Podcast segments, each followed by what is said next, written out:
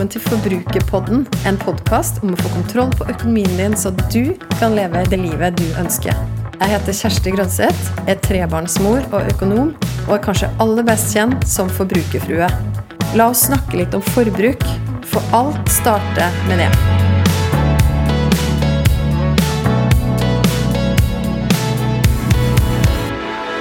Jeg pleide å lete etter penger på bestemte plasser da jeg var lita.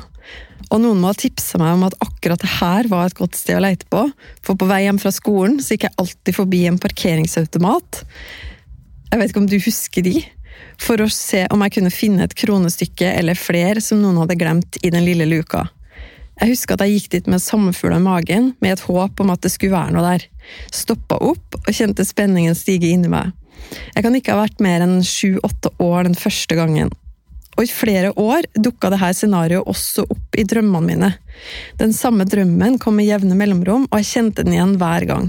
Og drømmen den var enda mer magisk enn virkeligheten, for der, i det øyeblikket jeg stakk hånda inn for å se om det lille sølvblanke kronestykket var der, skjedde det, like heftig hver gang. Før jeg rakk å klemme hånda mi rundt mynten som jeg da, ved et lykketreff, hadde funnet, ble blikket mitt på magnetisk vis dratt mot bakken. Rundt automaten blinka det. Blankt i blankt, skinnende sølv, hundrevis, kanskje 10 000 kronestykker som lå strødd og bare venta på å bli plukka opp. At det gikk an å være så heldig! Så våkna jeg hver gang. Hvis du googler 'What does it mean when you dream about money', får du veldig mange fascinerende svar. Og Ifølge dreamdoctor.com, som visstnok er en av de største nettsidene innenfor drømmetydning, skal en drøm om at du finner penger, ikke tolkes bokstavelig, men det kan bety at du har fått tilført noe positivt i livet, som et nytt vennskap eller en spennende mulighet. Så mest sannsynlig så var det jo det som hadde skjedd meg, da. Gang på gang, så det er veldig oppmuntrende å tenke tilbake på nå. Enda mer enn å drømme om pengene, så liker jeg tanken på at penger kan realisere drømmer. Å spare for å oppnå drømmer er skikkelig motiverende. De store investeringene vi gjør i løpet av livet, som bolig, er én ting, men de mindre drømmene som beriker livet i en eller annen form, er også alltid verdt å spare til. Denne episoden av Forbrukerpodden så har jeg lyst til å snakke litt om drømmesparemål. Og først la meg forklare deg litt hvordan hjernen din fungerer. Fordi det er nemlig noen dårlige nyheter. Hjernen din den er lat, og den vil ha belønning nå. Så når du får valget mellom å kjøpe la oss si, ei veske du liker skikkelig godt, eller som dukka opp i feeden din i dag, eller spare pengene til bolig, som du vet det tar flere år å spare til, så vil hjernen din faktisk be deg si ja takk til den veska. For det er vanskelig å få hjernen til å forstå at den vil kunne nyte i framtida dersom du begynner å spare i dag, så den vil ha, den vil heller ha det bra her og nå. En av de som har skrevet, både forska på og skrevet om det her, er Elin Helander, som jobber hos Spareappen Dreams, og hun har gitt ut en bok som heter Jernkoll på pengarna for råd med dine drømmer. Vi mennesker vi er ikke primært rasjonelle vesener med full kontroll over egne følelser, jeg vet ikke om du kjenner deg igjen i det? Og derfor, naturlig nok, så klarer vi ikke alltid å ta riktige økonomiske avgjørelser. Nei, vi klarer jo ikke engang alltid å følge vår egen plan når vi har en. Det skjer noe i øyeblikket. Det oppstår noe. Og før vi vet ordet av det, har vi brukt penger nå som vi egentlig drømte om å bruke seinere. I en bok som heter Thinking Fast and Slow, så beskriver forfatteren der, han heter Daniel Kahneman, at det foregår et drama inni hodet vårt mellom to hovedpersoner, og den ene er impulsiv og handler på automatikk. Men så finnes det også noen gode nyheter. og Kahneman han er en av de som har forska mye innenfor det faget som heter atferdsøkonomi. Som er en blanding av økonomi og psykologi. Og han har forska på hvordan vi kan forstå oss sjøl, og gjennom det ta bedre beslutninger. Den andre hovedpersonen han snakker om i boka si, er nemlig mer gjennomtenkt og beregnende. Og når denne karakteren får lov til å skinne, så klarer vi å fokusere og holde potensielle forstyrrelser unna. Så for det første, det hjelper å bli klar over hvordan du faktisk fungerer. Når du veit at hjernen din søker belønning her og nå, så trenger du ikke bli like overraska om du kjenner at du heller vil bruke penger enn å spare. Det hjelper også å vite at vi mennesker ofte er litt for impulsive og handler før vi har rukket å tenke, og at vi tar ofte tar valg ut fra magefølelsen. Så ifølge Kahneman så er én ting som hjelper, det er å repetere et budskap igjen og igjen. Fortelle deg sjøl gjentatte ganger hva som faktisk betyr noe for deg. Det hjelper den late hjernen din til å ta bedre valg. Og for det andre, hvis du kan gjøre noe for å koble drømmen der framme tettere til livet ditt her og nå, er det større sjanse for at du heller velger drømmen enn veska. Se for deg hvordan du ser ut når du har nådd målet ditt. Tegn gjerne, skriv gjerne, finn gjerne bilder av den konkrete drømmen din. Lag en plan og skriv den ned. Og gi drømmen et navn og opprett en egen konto eller en egen spareplan. Følelsene dine kommer alltid til å spille hovedrollen når du skal ta økonomiske beslutninger. Men når drømmen du sparer til er synlig og tydelig nok for deg, så øker du sjansen for å faktisk nå den. Men hva hvis naboen din stadig realiserer nye drømmer uten at du har kommet halvveis på din? Jeg har lenge vært fascinert av hvordan vi mennesker sammenligner oss med hverandre. Og sosial sammenligning det er jo faktisk en helt egen teori innenfor sosial psykologi, som sier at vi har et grunnleggende behov for å forstå og vurdere oss sjøl. I den prosessen sammenligner vi oss med andre mennesker for å redusere usikkerheten om hvor vi sjøl står. Det gir mening. Og her i Forbrukerpodden så har jeg hatt to psykologer som gjester. Den ene er Maria Øst Hassel, som er kjent som Syk deg på Instagram og på TikTok og Johanne Refseth, som er kjent som psykolog med sovepose på Instagram. Og hvis du ikke har hørt de episodene ennå, så anbefaler jeg deg å bla tilbake i biblioteket og finne de. Hvis du har hørt de, så husker du kanskje at både Maria og Johanna har forklart det her med sammenligning med at vi er skapt for å være en del av en flokk. Og når vi opplever at det her på en eller annen måte trues, så blir vi redde.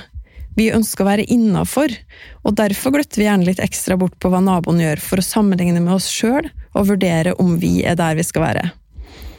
Utfordringen for mange i dag er at den flokken vi sammenligner oss med, har blitt så altfor stor.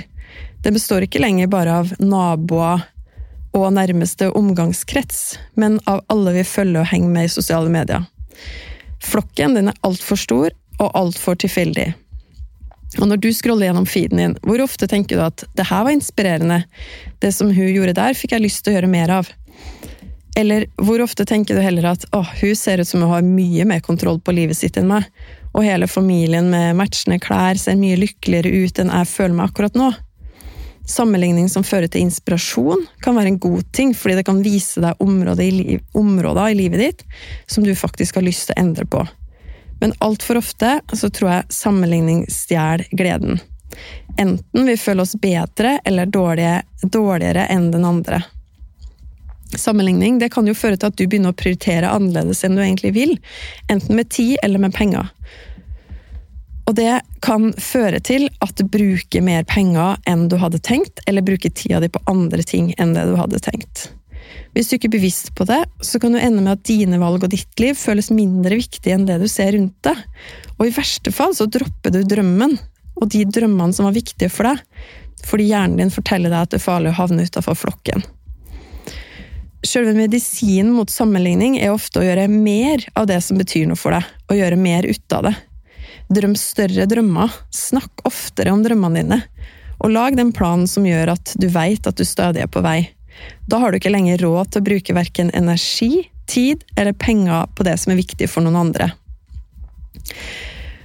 Så hvis du har en konkret drøm som du vil spare til, hvordan gjør du det? Du som har hørt på Forbrukerpodden før, du vet at jeg har snakka om en eh, strategi som eh, kalles å betale deg sjøl først. Det du gjør da, er at du sikrer at du får satt av penger til det som er viktig for deg aller først, nesten før du rekker å tenke at pengene har kommet inn på konto.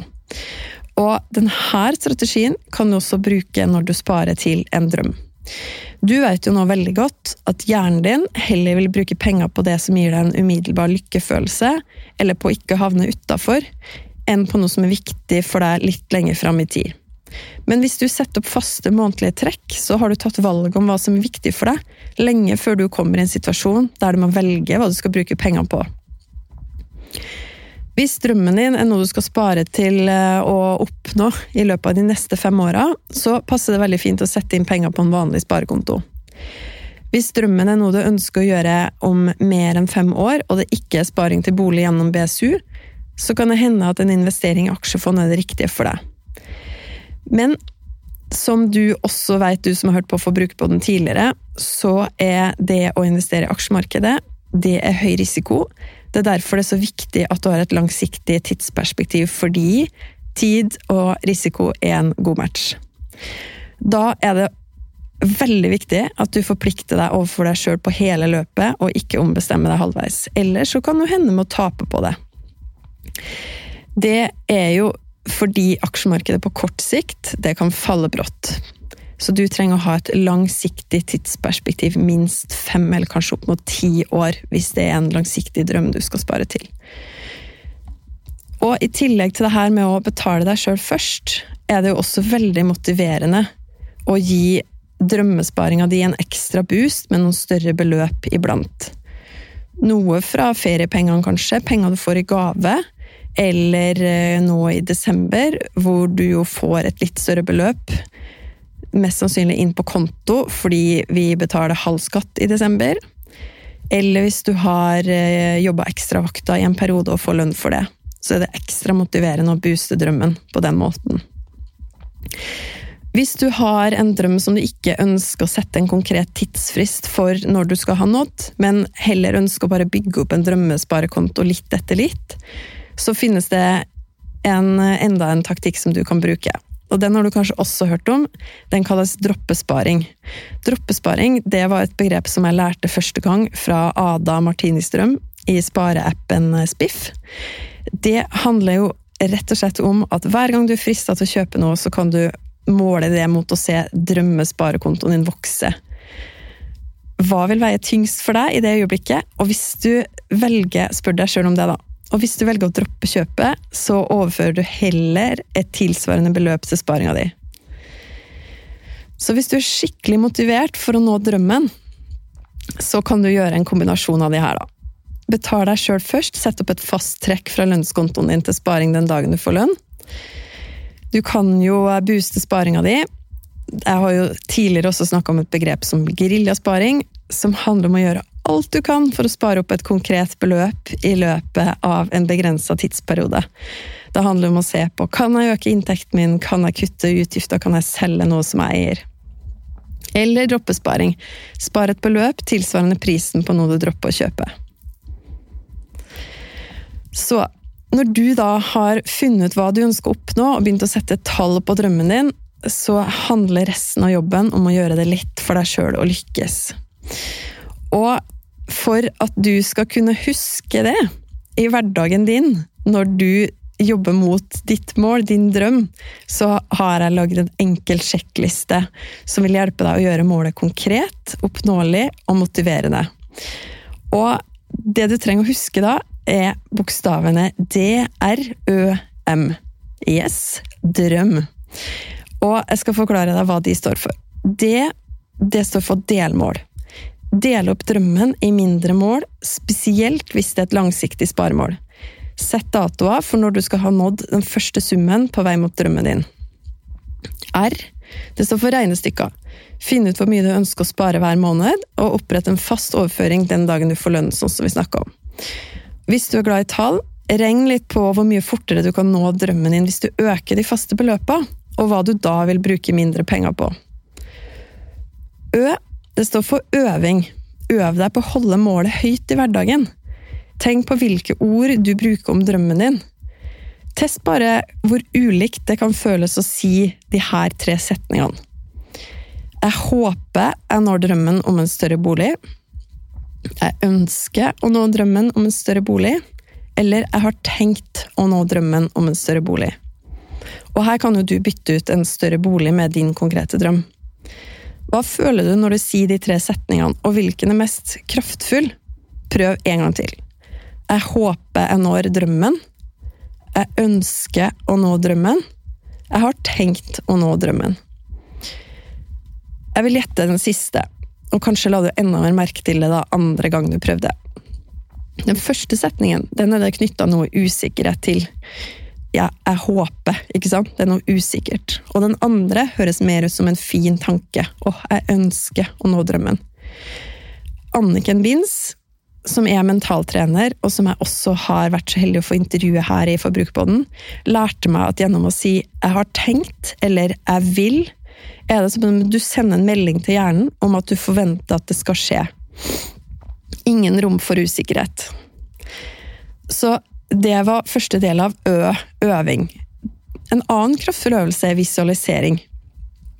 Visualisering handler om å lage et mentalt bilde av det du ønsker å oppnå, og hver gang du trenger motivasjon og inspirasjon til å jobbe mot målet, så henter du fram dette bildet. Den enkleste visualiseringsteknikken er at du ser for deg sjøl når du har nådd målet ditt. Så hvis du har lyst til å prøve det nå, sett deg godt til rette et sted. Eller hvis du er ute og går tur, lukk øynene, stopp opp, lukk øynene, og begynn å se for deg når du er der du ønsker. Se for deg så mange detaljer du klarer, og kjenn etter hvilke følelser det skaper.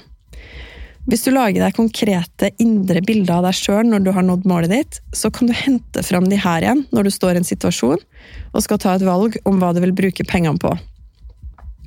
Og da oppdager du kanskje at målet ditt er viktigere enn det du får lyst på akkurat i øyeblikket. Prøv det her neste gang du får lyst på nå, i øyeblikket. M står for måling, og noe av det morsomste og mest motiverende er å måle framgang og se hvordan du ligger an i forhold til målet. Hvis du setter opp faste trekk, og så glemmer det litt i en periode, er det en veldig deilig følelse å se at kontoen har vokst. Feir små seire og milepæler underveis, gjør noe ekstra stas når du har nådd et visst beløp. Du kan f.eks. ta en liten prosent av beløpet og finne på noe gøy. Hvis du også kjøper noe som er relatert til selve drømmen, så kan du gjøre det som et symbol på hvor rå du er, som setter konkrete mål og faktisk når dem. Så oppsummert det jeg snakka om i denne episoden. Hjernen din den er kobla sammen til å tenke kortsiktig, men med de rette triksa så kan du lure den til å tenke langsiktig. Spar til dine drømmer, ikke naboens drømmer. Og vær stolt av dine drømmer, og ikke gløtt for mye bort på naboen. Vit hvorfor du gjør det, for du ønsker å høre til i en flokk. ikke sant? Du ønsker ikke å skille deg ut. Men jo mer du, og jo høyere du holder ditt eget mål og din egen drøm, jo mindre har du tid til å se bort på naboen. Og for å lykkes med sparingen over tid, så kan du bruke tre strategier. Betal deg sjøl først. Booste sparinga di med enkeltbeløp eller geriljasparing. Og til slutt droppe sparing. Delmål regnestykker, øving og måling, DRØM, drøm, gjør det lettere for deg å holde motivasjonen oppe mens du sparer. Og nå har jeg veldig lyst til å høre fra deg. Har du et konkret sparemål, send meg en mail på heiatforbrukerfrue.no, eller send meg en melding på Instagram. Del ditt konkrete sparemål med meg, så skal jeg være med og heie på deg. Og kanskje kan vi også spare litt hvis du mangler motivasjon, eller hvis du har noe som du ønsker, eller som du lurer på, eller ønsker å dele med meg, så tar jeg gjerne prat med deg videre, enten på mail eller innboksen på Instagram. Og da gjenstår det for meg å ønske deg en nydelig dag der du er, og husk å holde drømmen din høyt. Jeg vil gjerne vite hva du tenker etter å ha hørt episoden. Så koble med meg på Instagram. Der finner du meg som forbrukerfrue. Send meg en melding. Tagg meg gjerne i story og del episoden her hvis du likte den. Eller send meg spørsmål. Og husk å abonnere på podkasten Forbrukerpodden, så får du beskjed hver gang det kommer en ny episode. Vi høres! Bye.